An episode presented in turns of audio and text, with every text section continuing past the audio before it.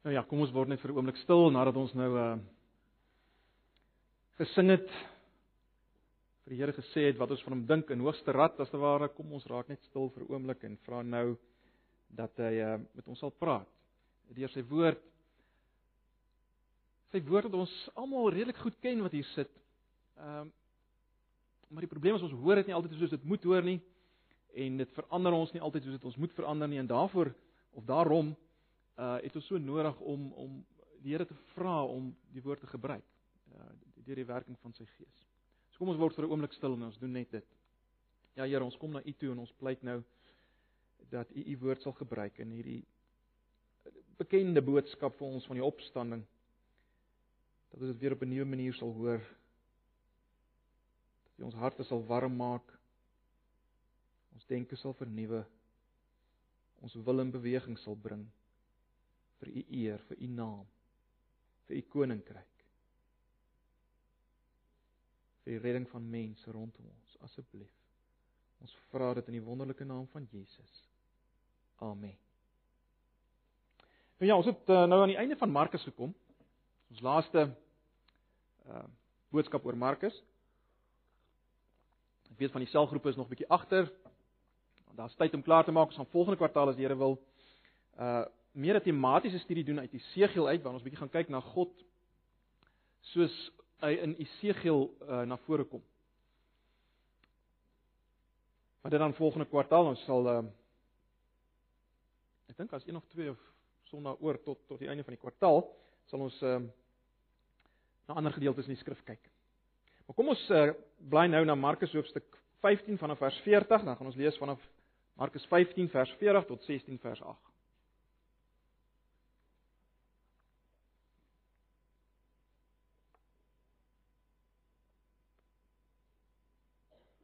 Vers 40 van Markus 15. Daar het ook vroue op 'n afstand gestaan. Kyk, onder hulle was Maria Magdalena en Maria die moeder van klein uh, Jakobus en Joses en Salome. Toe Jesus nog in Galilea was, het hulle oral saam met hom gegaan en hom versorg. Baie vroue wat saam met hom na Jerusalem toe gekom het, was ook daar. Dit was Vrydag, dit is die dag voor die Sabbatdag. En dit was al middag laat. Josef van Arimatea, 'n vooraanstaande lid van die Joodse Raad, En iemand wat self ook uitgesien het na die koms van die koninkryk van God, kom toe daaraan. Hy het dit gewaag om na Pilatus toe te gaan en die liggaam van Jesus te vra. Pilatus was verbaas om te hoor dat hy al dood is. Hy het die offisier laat roep en hom gevra of Jesus lankal gesterf het. Toe hy van die offisier verneem dat dit wel so is, het hy die lijk vir Josef gegee. Josef het 'n stuk grond, uh, ekskuus, Josef het 'n stuk linne gekoop Jesus van die kruis gaan afhaal, hom in die linne toegedraai en neergelê in 'n graf wat in die rots uitgekap was. Hy het 'n klip voor die ingang uh, van die graf gerol. Maria Magdalena en Maria die moeder van Joses het gestaan en kyk waar hy neergelê word. Toe die Sabbatdag verby was, het Maria Magdalena en Maria die ma van Jakobus en Salome reukolie gekoop om die liggaam daarmee te gaan balsem. Die Sondagmôre baie vroeg kom hulle by die graf aan net toe die son opkom. Hulle vra toe vir mekaar: Wie sal vir ons die klip voor die ingang van die graf wegrol? Die klip was baie groot, maar toe hulle opkyk, sien hulle dat dit klaar weggerol is. Toe hulle in die graf ingaan, sien hulle 'n jong man aan die regterhand sit of aan die regterkant sit met 'n lang met lang wit klere aan en hulle het groot geskrik. Moenie skrik nie, sê hy vir hulle. Julle soek Jesus van Nasaret wat gekruisig is. Hy sê die dood opgewek, hy's nie hier nie. Kyk, daar is die plek waar hulle hom neergelê het. Maar gaan sê vir sy disippels en in die besonder vir Petrus, hy gaan julle vooruit na Galilea toe. Daar sal julle hom sien soos hy vir julle ges gesê het. Hulle het uit die graf uitgegaan en weggehardloop terwyl hulle gebewe het van die skrik. Hulle het vir niemand anders iets daarvan gesê nie, want hulle was bang. Ons lees net so ver. Uh ek sal uh, net nou opmerking maak oor uh oor die res van die verse wat uh nie in al die vertalings voorkom nie en waaroor daar wel 'n voetnote ook is. Maar ons lees nou net tot daar. Nou mense, ek dink ons almal weet dat dit is juist teen 'n donker agtergrond dat lig die beste vertoon, is dit nie? Dis juist teen 'n donker agtergrond wat lig die beste vertoon. Dis juist na die donker van die nag uh dat dat dagbreek iets wonderliks vir ons is maar die donker van die nag dat dagbreek vir ons iets wonderlik is. Dis juist na, na slegte nuus dat goeie nuus iets spesiaals en iets wonderlik is. Dit is net so. En is juist na 'n teleurstelling dat 'n verrassing werklike verrassing is. Die wonderlikste nuus in die geskiedenis van die kosmos kom daarom ook na die slegste nuus in die geskiedenis van die kosmos. Die grootste verrassing in die geskiedenis kom na die grootste teleurstelling ooit in die geskiedenis.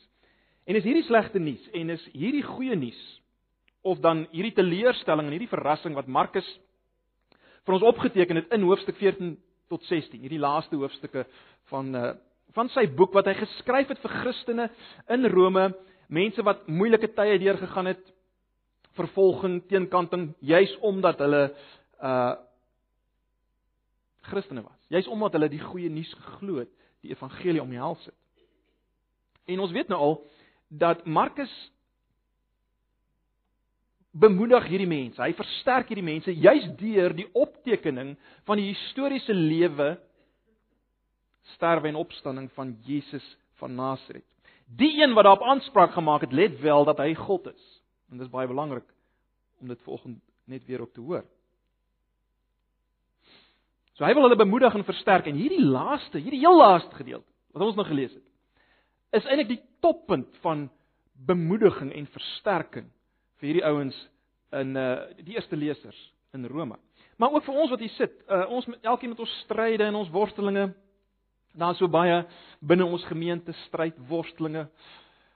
Onsekerhede, ons bly in 'n land met klomp donker, slegte nuus elke dag word ons daarmee gebombardeer. Ehm um, in die nuus en die koerante. Ook vir ons mense is daar geen geen beter boodskap hierdie oggend as as juis dit wat ons kry in hierdie laaste gedeelte van Markus. Dit is nie is regtig nie eintlik 'n uh, groter bemoediging wat wat ons vanoggend vir mekaar kan gee as dit.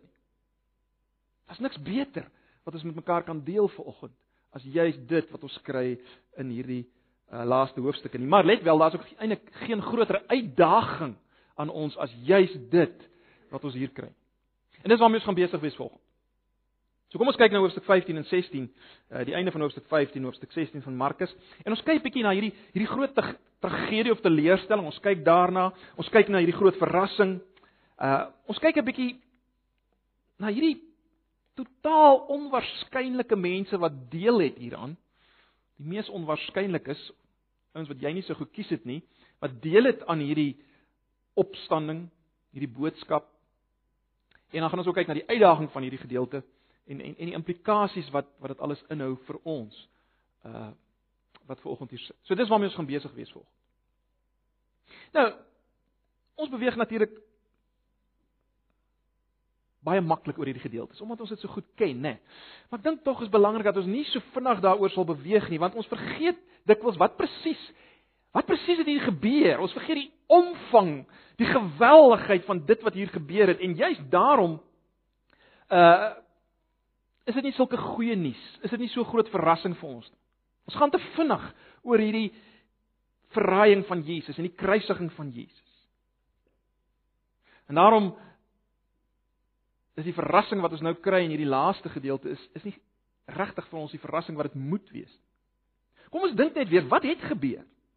Wat het gebeur in dit wat ons nou na gekyk het die laaste twee Sondae? Wel, as ons as ons glo wat Jesus oor homself gesê het, dan wys Markus vir ons vanaf hoofstuk 14 wat die mens die mens soos ek en jy gedoen het aan God.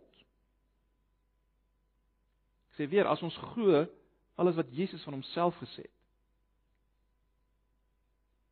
Spesifiek dat hy God is. Dan beskryf Markus vir ons hier in hierdie laaste hoofstukke wat die mens gedoen het aan God dan beskryf hy vir ons die grootste oorwinning van die bose. Hier vanaf hoofstuk 14. Die grootste oorwinning van die duisternis oor lig.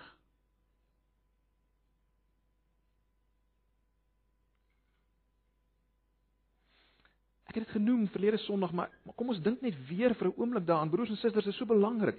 Die mens, dink net daaraan, die mens wat deur God geskep is uit liefde om te kan leef met 'n hoofletter. Dit beteken in verhouding met God, in verhouding met mekaar en om alles wat hy doen te doen om hierdie God as te ware op te lig, groot te maak. Dis waarvoor die mens gemaak is. Om hierdie ongelooflike let wel goeie, liefdevolle God groot te maak. Dis waarvoor die mens gemaak is. En is hierdie mens wat nie net God verwerp in die tuin van Eden nie, maar is hierdie selfde mens wat uiteindelik as God mens word, uh dan verloon hy hom, dan verraai hy hom, dan kruisig hy hom. Ons moet dit raak sien. Hy verraai God weer in 'n tuin, die tuin van Getsemane en uiteindelik kruisig hy God die mens, God wat mens geword het, kruisig hy op die plek van die kopbeen buite die stad Jerusalem. Dit was die oomblik van die grootste oorwinning van die bose, is dit nie? Dit was 'n oomblik van absolute duisternis en Markus gee ons iets daarvan weer in in in uh hoofstuk 15 vers 33 as hy as hy sê dat dit vir 3 uur lank absolute duisternis geword het. Ons moet dit raak sien. Dit was absolute duisternis. Jy sien wat hier gebeur as as gefalle rebelse sondige mense die absoluut onskuldige volkomme sondelose seun van God kruisig. Wat hier gebeur is die grootste skande onreg in die geskiedenis. Dit wat gebeur het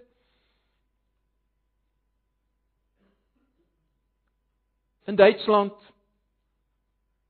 vir die 6 miljoen Jode en in Rusland onder Stalin met 20000 of 20 miljoen, ekskuus, uh, Russe. Dit weeg eintlik nie op teen die onreg, die duisternis, die verskriklikheid van dit wat hier gebeur nie. As Jesus is, dit wat hy gesê het, hy is. Maar natuurlik moet ons onsself afvra, maar was dit regtig so erg Was Jesus werklik dood? Is dit nie maar alles net gestage nie? Is dit nie maar net alles opgemaak? Dis wat ons hier kry.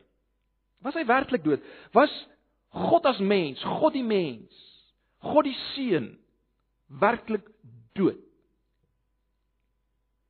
Dis die eerste vraag wat ons homself moet afvra in die lig van die gedeelte wat ons gelees het.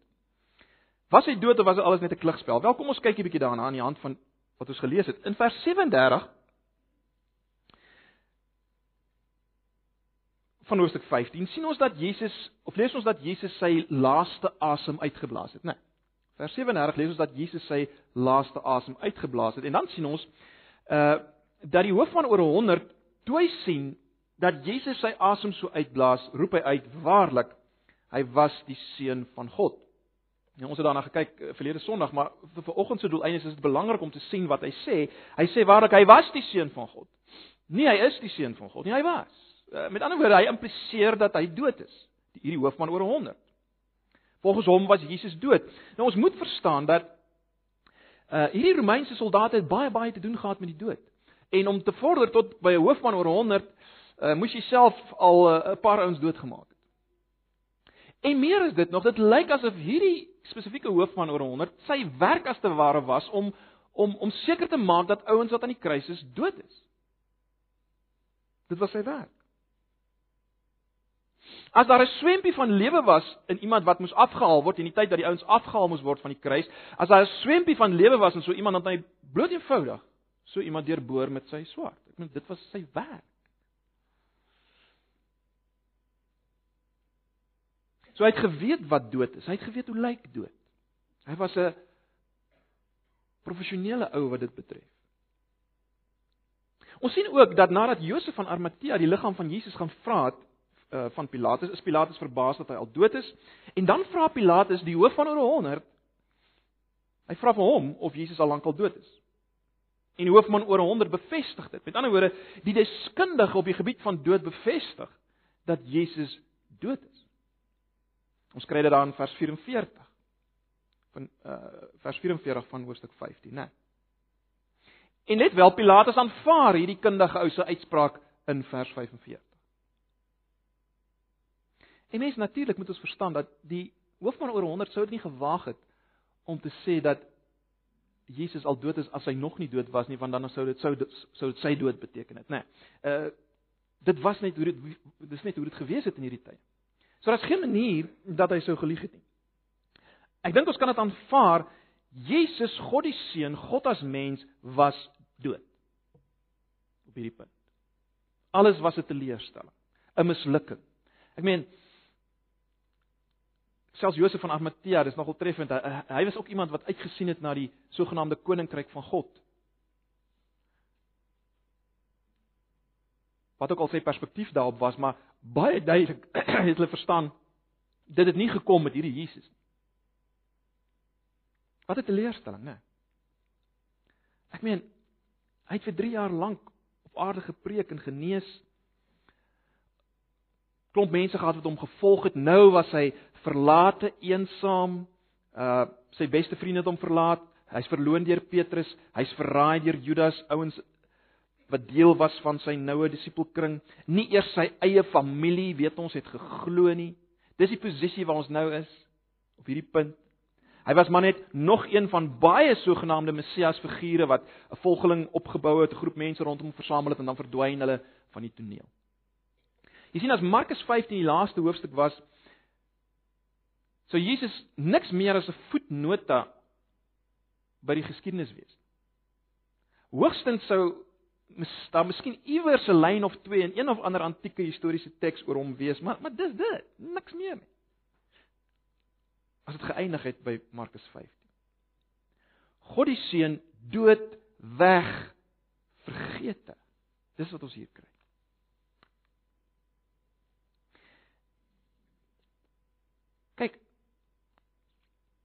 Ons moet baie duidelik weet vir oggend as ek en jy daar was, as ons geleef het in daardie tyd, sou ons nie anders oor Jesus gedink het as dat hy maar uiteindelik net weer nog 'n Messias figuur was wat op teleurstellende manier gesterf het. Jy sou nie anders gedink het.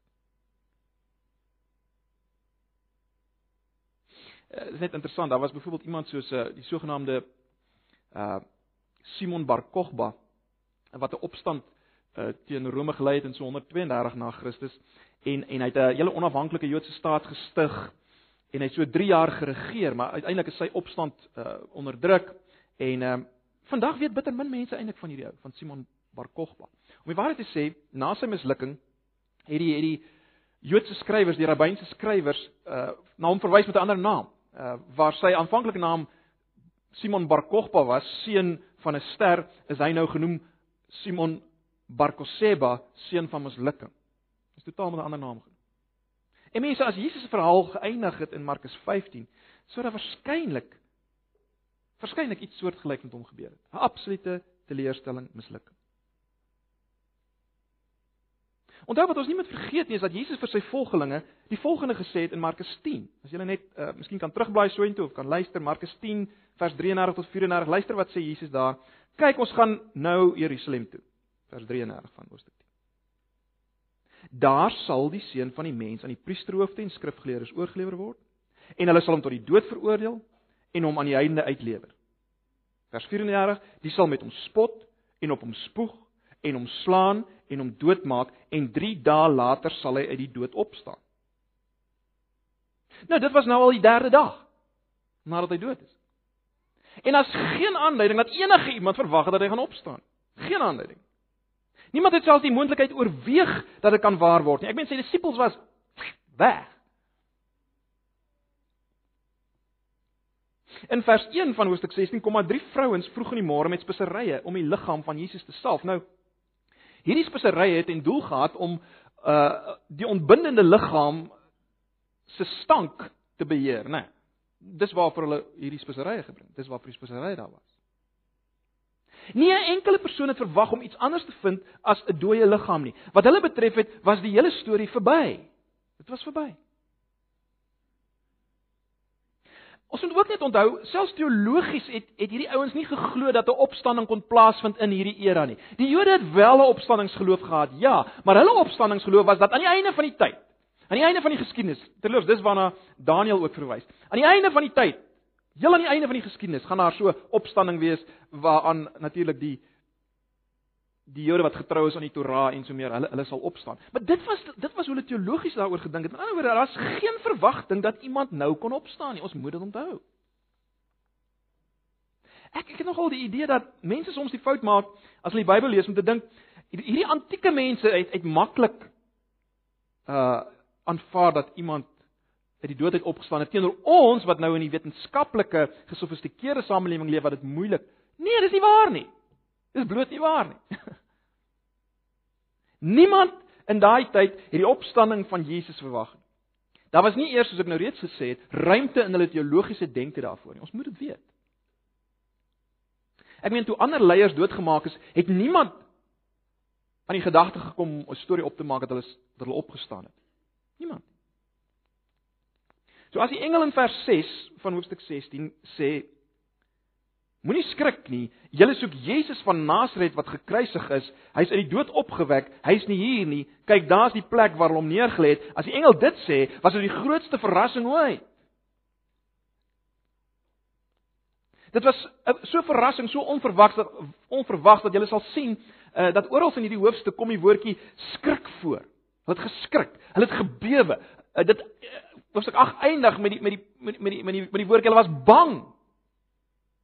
Kyk as hulle as hulle verwag het hy gaan opstaan, dan sou dit nie waar wees nie. Maar dit was dit was dit was weird. Dit was vreemd. Dit was 'n verrassing. Verrassing wat so geweldig is dat dit eintlik skrik veroorsaak het. Dis wat ons hier kry.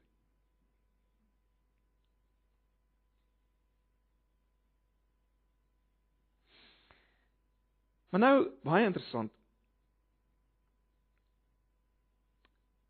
In vers 1 van hoofstuk 16 sien ons of lees ons dat Maria Magdalena, Maria die ma, ma van Jakobus en Salome hulle het reukolie gekoop om die liggaam daarmee te gaan salf. Nou, dis maklik om die vreemdheid hiervan of die radikaliteit hiervan of die skok hiervan uh te mis. Dis maklik om dit te mis. Hierdie vrouens, weet ons, was getuies van Jesus se dood. Ons weet, weet ons weet dit uit hoofstuk 15 vers 40. Twee van hulle is volgens vers 47 van Markus 15 getuies van die plek waar Jesus begrawe is. En nou is dit hierdie drie vrouens wat op die punt is om die eerste getuies te wees van die leë graf en die boodskap van die engel. Hoekom is dit so radikaal? Ag, ons het al daaroor gepraat, ek het dit al genoem, maar dit is dis dis absoluut radikaal en in 'n sekere sin verrassend. Uh, bloot omrede vrouens in daardie tyd is nie beskou as geloofwaardige getuies nie. Dit was net so. Vrouens is nie beskou as geloofwaardige getuies nie. Hulle was as onbetroubaar beskou. Uh jy sal nooit hulle gebruik het as deurslaggewende bewys van jou saak nie. Met ander woorde, die punt is maar net as as Markus hierdie hele opstanding storie wou opmaak, dan sou hy nie vrouens in sy storie gebruik het nie. Definitief. Dit sou die laaste mense wees wat hy sou gebruik het as getuies. En daarom mense, die enigste rede waarom Markus sê dat die vrouens die eerste getuies van die opstanding is, is omdat dit werklik so was. Is omdat dit werklik gebeur het. Daar kan geen ander verduideliking wees nie. Die enigste rede waarom vrouens die eerstes is wat Jesus die opgestaan het, die leë graf sien, om dit so te stel. Die enigste rede is omdat dit werklik so was. Daar's geen ander verduideliking daarvoor. Dit het in werklikheid gebeur. Maar daar's nog 'n verrassing hier. Daar's nog 'n verrassing hier. Minstens een van hierdie vrouens was 'n vrou met 'n verlede. Maria Magdalena, weet ons, was iemand wat voorheen duiwelbesete was. sien dit veral duidelik uit in in in Lukas se evangelie in hoofstuk 2 van ag in, in hoofstuk 8 vers 2. So ten minste een van hierdie vrouens het 'n geskiedenis gehad as jy dit so kan stel. En en en Markus wys vir ons met ander woorde hoe hoe hoe die opstanding dinge omkeer. Mense wat bietjie uitgesluit was as jy dit so kan stel, wat eenkant gedruk is, is die eerste getuies van die dood, begrafnis en opstanding van Jesus. Die mees onwaarskynlike mense word deel van hierdie opstanningsverhaal die paasverhaal as jy wil. Let ook op Hierdie vrouens was nie dadelik perfekte getuies nie, hoor. Ons ons moenie daai fout maak nie. Hulle was nie dadelik perfekte getuies van die opstanding nie. Dit is baie interessant. Uh as hulle hierdie graf ingaan wat natuurlik nou uitgekap is so in 'n rotswand, as hulle dit ingaan dan sit hierdie jong man daar uh wat baie duidelik 'n uh, 'n uh, 'n uh, engel is en dan sê hy vir hulle dat Jesus opgestaan het en dan sê hy vir hulle gaan gaan vertel dit vir die disippels. Is tog 'n interessante verskynsel, né? Nee? Ons wat nou Markus gedoen het, uh heeltyd moes Jesus mense verbied om te praat oor hom en dan praat hulle. Hier word hulle beveel om te praat, maar hulle bly stil. Kyk na vers 8. Hulle het uit die graf uitgegaan en weggehardloop terwyl hulle gebewe het van die skrik. Hulle het vir niemand anders iets daarvan gesê nie want hulle was bang. So hulle was ook nie die perfekte getuies nie. Maar kom ons dink 'n bietjie oor die disippels. Het julle gesien wat sê die engel in vers 7? Maar gaan sê vir sy disippels en in die besonder vir Petrus. Hy gaan julle vooruit na Galilea toe. Daar sal julle hom sien soos hy vir julle gesê het. Julle sal onthou dat voordat Jesus verraai is dat hy die volgende vir hulle gesê in in uh, hoofstuk 14 vers 27 tot 28. Luister net weer daarna. Julle sal almal van my afvallig word Daar staan immers geskrywe ek sal die herde doodmaak en die skape sal uitmekaar gejaag word. Maar nadat ek uit die dood opgewek is, sal ek julle vooruitgaan na Galilea toe. Dis wat Jesus gesê het. Maar mense wat ons moet raak sien is die disippels het totaal en al droog gemaak. Né? Nee. Uh Jesus het oor en oor vir hulle vertel wat gaan gebeur. En dat hy uiteindelik voor hulle sal uitgaan. Maar hulle het dit nie gevat nie. Hulle het dit nie gevang nie, lyk dit my. Hulle het dit nie gehoor nie. En toe uiteindelik toe daar 'n bietjie druk is, toe verdwyn hulle absoluut. Hulle los Jesus net so. En en die mees dramatiese van hierdie mislukkings is natuurlik Petrus, né? Nee, dis die mees dramatiese. Ek meen Petrus wat onomwonde verklaar het in vers 31 van hoofstuk 14, al moet ek saam met u sterwe, ek sal beslis nie verloon nie. Ons weet almal wat gebeur het. Uiteindelik is hy die een wat ontken dat hy selfs Jesus ken. Hy hy weet nie eers van hom. So Petrus behalwe vir Judas uh is die een wat geweet het dat dat hy Jesus absoluut die die meeste bedroef het, né? En daarom is vers 7 so geweldig. Het julle dit raak gesien? Daar word spesifiek gesê gaan vertel vir die disippels en Petrus. Vertel vir die disippels en Petrus. Jy sien wat ons moet raak sien hier is dat Jesus het nie sy disippels afgeskryf nie. Hy het spesifiek nie vir Petrus afgeskryf. Ons moet dit raak sien. Hy het nie vir Petrus afgeskryf. So, wat ons hier sien mense is is dat na die absolute teleurstelling van die verraaiing en die kruisiging kry ons hierdie absolute verrassing wat almal as te ware onkant vang. Maar wat ons moet raak sien is dit dit sluit almal in, dit sluit die mees onwaarskynlikes in, die wat droog gemaak het, die wat eintlik totaal en al misluk het. Dit sluit hulle in. Ons moet dit raak sien in hierdie gedeelte. Dis vir hulle. Markus wil hê en die Heilige Gees wil hê ons moet dit vanoggend raak sien.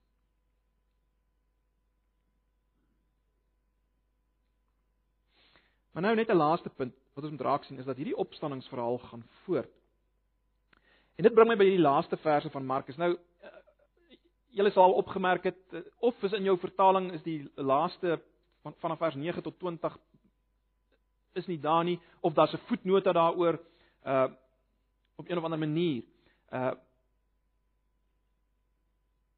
Daar word gesê en julle sal sien dit staan in die voetnotas dat die dat die beste manuskripte bevat nie vers 9 tot 20 nie. Met ander woorde, na alle waarskynlikheid is vers 9 tot 20 later bygevoeg deur ouens wat wat die wat die wat die slot van Markus bietjie beter wou laat vertoon.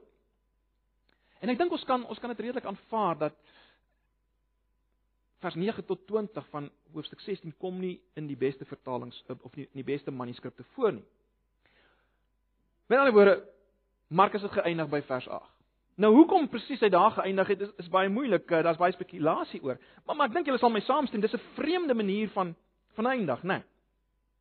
Gaan sê vir sy disippels en in die besonder vir Petrus, hy gaan julle vooruit na Galilea toe.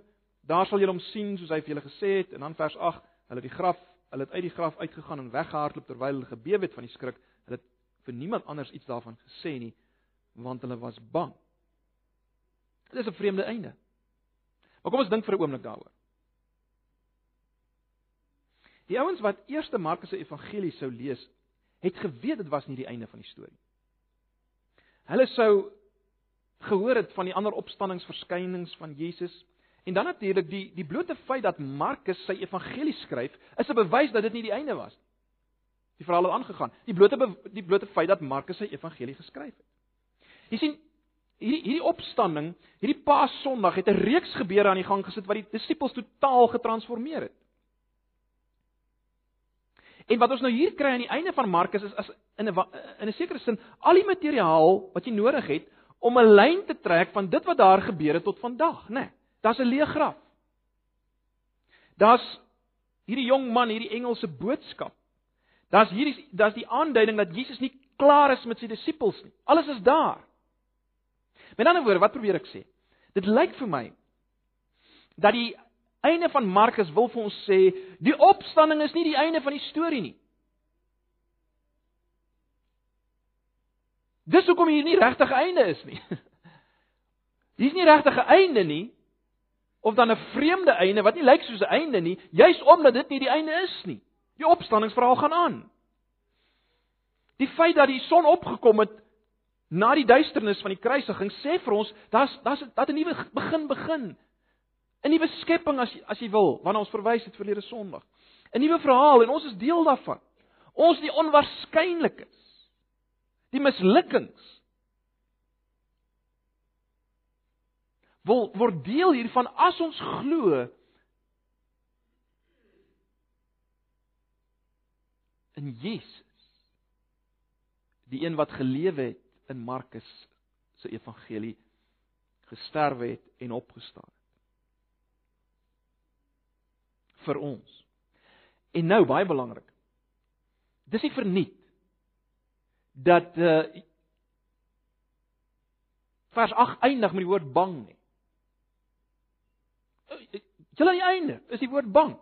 So wat is die uitdaging vir vir Markus se se eerste lesers? Wat is die uitdaging vir ons? Broers en susters, die uitdaging is om nie bang te wees soos die vrouens in vers 8.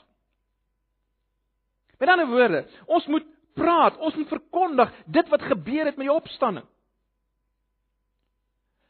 Natuurlik sal die geneigtheid ook by ons daar wees om bang te wees hiervoor, om weg te skram, want dit is vreemd. Dit is vreemd. As jy nie dink die opstanding is vreemd nie, wel, dan is jy vreemd. Dit is vreemd.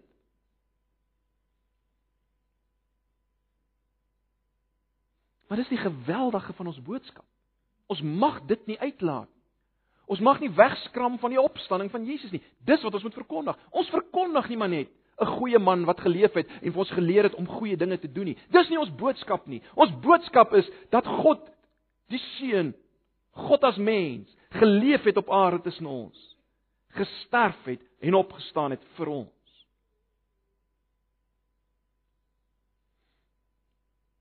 Die opstanding sê daar's 'n nuwe begin. En ons is deel daarvan. So kom ons dink net ten slotte. Ons trek 'n paar lyne. Ons kyk na 'n paar implikasies van wat is presies ons voortgaande boodskap vir die wêreld? Wat is ons let wel, ons voortgaande boodskap vir die onwaarskynlikes? Net soos die mense wat eerste getuies was van Jesus se opstanding, die onwaarskynlikes was. Wat is ons boodskap vir die onwaarskynlikes? Die ouens wat ons nie eintlik reken kan deel hê hier nie. Wat is ons boodskap? Wat kan ons verkondig? Kom ons kyk net na enkele paar dinge. Eerstens mense, ons kan met vrymoedigheid weet en verkondig Jesus het opgestaan. Ag uh tydens Paas Sondag wat nie so lank terug is nie, het ons daaroor gepraat. Ek gaan nie alles weer daaroor uitbrei nie, maar ons ons ons moet dit vat. God leef. Hy leef op hierdie oomblik. God die Seun leef. Daar's geen manier Daar's geen manier dat hierdie lafhartige, verlonende disippels kon verander na die onverskrokke getuienis van Jesus se lewe en sterwe en opstanding waarin hulle wel verander het as Jesus nie opgestaan het nie. Ek meen feitelik al die disippels en die vroeë leiers van die van die Christelike kerk het 'n marteldood gesterwe. Met ander woorde is doodgemaak omdat hulle geglo het in hierdie opstanding. Blaise Pascal het op 'n stadium met so gesê, hy het gesê I believe those witnesses that that get their throats cut. I believe those witnesses that get their throats cut. Jy kan hulle getuienis aanvaar. Hulle het gesterf daarvoor. Jesus het opgestaan. So kom ons vat dit. Hy het opgestaan uit die dood, hy het opgestaan tot lewe. Jesus is nie maar net 'n verre herinnering van 'n goeie, regverdige ou nie. Hy's nie net 'n model om na te volg nie. Ja, ons moet hom navolg, maar hy's nie net 'n model om na te volg nie. Hy's nie maar net 'n martelaar vir 'n goeie saak wat ons moet vereer nie. Hy's lewend. Hy's kragtig. Op hierdie oomblik leef hy. En hy lewe soos ons in Hebreërs gesien het om altyd vir ons in te tree by God. Dis die Jesus waarmee ons besig is. En voortvloeiend daaruit, eh, 'n tweede punt wat ek wil maak is dit. Juist daarom kan ons weet wat hy gedoen het in ons plek in sy lewe en in sy sterwe en in sy opstanding. Wat hy gedoen het was genoegsaam volkome suksesvol om ons volkome te herstel. Dink dink net vir 'n oomblik daaraan. Sê nou net God het al die sonde van ons almal, ons verlede, ons hede, ons toekoms op Jesus geplaas. Maar wat Jesus gedoen het, was nie genoeg om dit alles te vergewe nie. Met ander woorde, daar's nog een dingetjie in jou lewe wat hy nie kon vergewe nie. Dit was nie genoegsaam wat Jesus gedoen het was nie genoegsaam vir daai een ding in jou lewe nie. Kom kom ons dink vir 'n oomblik so daaraan. Sê net maar dit was so. Kon God vir Jesus opwek uit die dood? Nee. Nie sonder om sy regverdigheid te verloon nie. Maar hy is opgewek. God die Vader het aanvaar wat God die Seun vir jou gedoen het. En daarom as jy vashou aan hom in die geloof, dan dan sien God sy lewe, die lewe van Jesus voor hom. Met ander woorde, jy's volkome geliefd en aanvaarbaar voor God, want Jesus is volkome geliefd en aanvaarbaar. Ons moet daaraan vashou.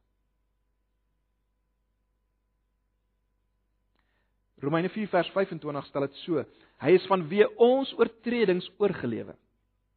Hy's opgewek sodat ons nou die nuwe vertaling sê vrygespreek kan word, meer letterlike geregverdig kan word. Met ander woorde dat ons sonde nie net weggeneem is nie, maar dat ons ook nou staan voor God met 'n positiewe lewe van liefde vir hom en liefde vir mense. Dis hoe God ons sien in Jesus. Hy's oorgelewer vir ons ongeregtighede. Hy's opgewek vir ons regverdig maak. Ons in die regte verhouding stel met God. Ag, ons weet Romeine 6 maak dit so duidelik dat toe Jesus gesterf het, het die ou mens die mens onder Adam, die mens in sonde, die mens onder God se oordeel, die mens wat ek en jy was van geboorte af. Volgens Romeine 6 het daardie mens gesterf toe Jesus gesterf het. Dis 'n geweldige aanspraak wat gemaak word. Gaan lees maar weer Romeine 6. Daardie mens het gesterf. Maar Romeine 6 gaan verder en hy maak dit baie duidelik dat toe Jesus opgestaan het, het 'n nuwe mens saam met hom opgestaan. Dis hoe God dit sien. Uit God se perspektief het die ou mens gesterf en 'n nuwe mens het opgestaan toe Jesus opstaan. En daarom kan ons dit vat. As jy vanoggend hier sit as 'n kind van die Here, kan jy weet jy het gesterf, jou ou mens onder God se oordeel. Die mens wat verdoem en ver, veroordeel moet word, het gesterf die dag toe Jesus gesterf het en 'n nuwe mens het opgestaan die dag toe Jesus opgestaan het voor God uit God se perspektief het jy opgestaan as nuwe mens. Ek weet dis dis dis amper te veel om vir ons om te hanteer maar broers en susters dit is die implikasie van dit alles. Jy het opgestaan op daardie sonderdag meer as 2000 jaar gelede. En daarom is my en jou verlossing seker Want die opstanding kan nie omgekeer word. Die opstanding kan nie gekanselleer word. Dit was die die grootste, die mees finale, die mees radikaalste gebeure in die kosmos en ek en jy as gelowiges was daar betrokke volgens Romeine 6 toe dit gebeur het in Jesus. Hy het dit in ons plek gedoen. Ons is geïnkorporeer in hom. Hy die nuwe hoof van die nuwe mensdom. Ons moet dit vat. En daarom is die opstanding nie maar net 'n 'n mooi storie nie. Dis die Dis ons geskiedenis. Dis jou geskiedenis as kind van God, dis myne as kind van God. Ons is onlosmaaklik gebind aan Jesus, die laaste Adam.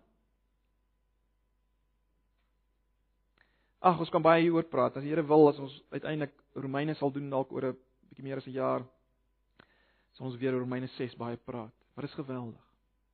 Net 'n derde punt. In die lig van wat ons hier gesien het, kan ons weet al Jesus se ander beloftes is waar.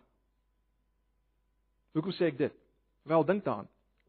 Watter belofte wat Jesus gemaak het, was die moeilikste om te hou? Is die belofte dat jy sal opstaan as jy klaar dood was? Is dit nie die moeilikste belofte om na te kom nie? Dink 'n bietjie daaraan. Dis die moeilikste belofte om na te kom. As hy dit nagekom het en hy het dit nagekom, as Jesus daardie belofte nagekom het, hoe sal hy nie al die ander beloftes wat hy gemaak het nakom nie? Vir my en jou wat in hom is nie. Gaan lees weer die beloftes in Markus, gaan lees die beloftes in Matteus en Lukas en Johannes, gaan lees dit, gaan dink daaroor en sê vir jouself, dis vas, dis seker, want die opstanding is seker. As hy opgestaan het, dan gaan hy hierdie goed waar maak. Want is baie makliker by wyse van spreek om dit waar te maak as wat dit was om die belofte waar te maak dat ek gaan opstaan op die derde dag. So kom ons vat dit. Ons kan weet al Jesus se ander beloftes is waar. Dan net 'n vierde punt, ons het daaroor ons het daarna verwys, ek noem dit weer. Ons kan weet Jesus wil Jesus wil die onwaarskynlikste volgens ons perspektief kandidate vir die koninkryk wil hy red en hy wil mislukkings gebruik om die opstanningsboodskap te verkondig. Ons kan dit maklik mis, broers en susters. Ons kan so maklik verval in dit in 'n mentaliteit dat Jesus gebruik net die green berets. Jy moet 'n green beret vir Jesus wees, dan gebruik hy jou. Dis nie waar nie. Dis nie waar nie. Dis nie waar hier nie, dis nie waar in die geskiedenis nie. God gebruik nie green berets nie. Hy gebruik mislukkings. Dis die dis die ander sy van hoe hy werk. So as jy volgens jouself sien as 'n mislukking.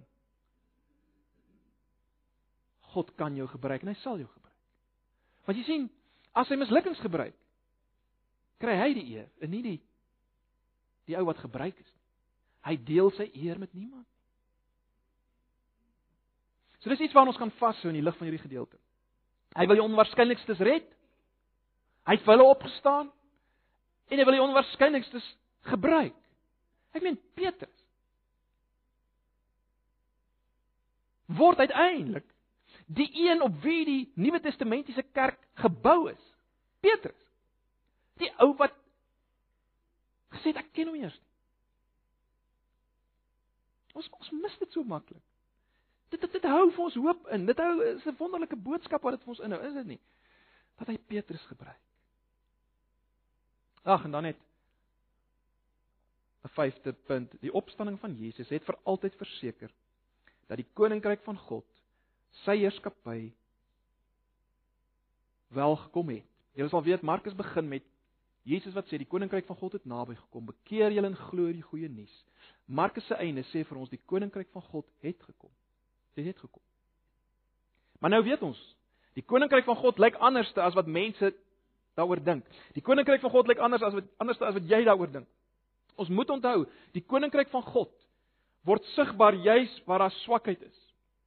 Ons krag sê dit weer, lê of, of, of sy krag kom na vore, miskien beter om so te stel. Sy krag kom na vore juis as ons swak is. Dis hoe die koninkryk werk. Die koninkryk werk nie teenoorgestelde. Dit lyk totaal anders as die koninkryk van die wêreld. Die koninkryk van God werk op hierdie beginsel: opstanding na dood. Ons kan ons kan self sê opstanding in dood. Dit dit werk anders. Hou daaraan vas, onthou dit in jou Christelike lewe. Die koninkryk van God lyk anders en werk anders. Ons moet dit onthou. Ag, broers en susters, omdat dit alles waar is. Ag, ons moet onsself daaraan herinner, mekaar daaraan herinner. Moenie vaskyk teenoor jou eie situasie, teen jou eie situasie nie. Teen jou eie gebrokenheid nie, teen jou eie swakheid nie en jou sonde nie. Moenie vaskyk teen ons land en al die ellende en al die oënskynlike duisternis nie. Moenie vaskyk daarin. Moenie vaskyk. Kyk deur en sien Jesus die opgestane een. Hou vas aan die opstanningsboodskap. Hou vas daar. Mag die Here ons deur sy gees bekragtig om juis dit te doen en om te lewe in die lig van die opstanding, in die lig van wat ons gesien het. Ag, en as ons nou die nagmaal gaan vier.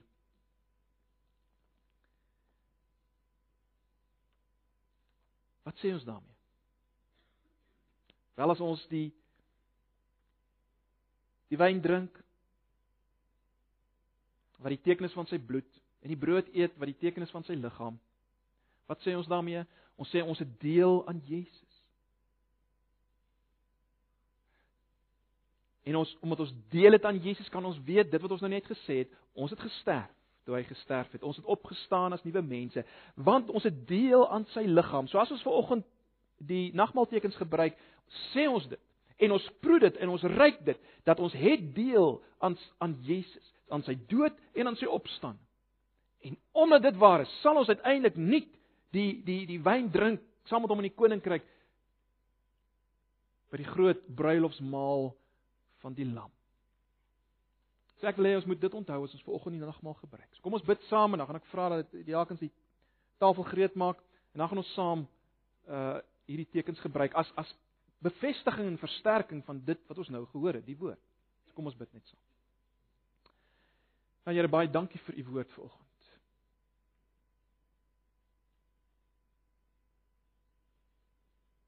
Baie dankie. vir dit wat U vir ons gedoen het. Ons die onwaarskynlikstes. Ons die ontroues. Dankie dat ons vanoggend kan weet dat alles wat U deurgegaan het.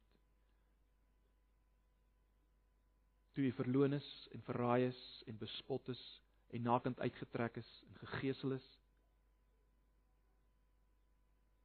en gesterf het.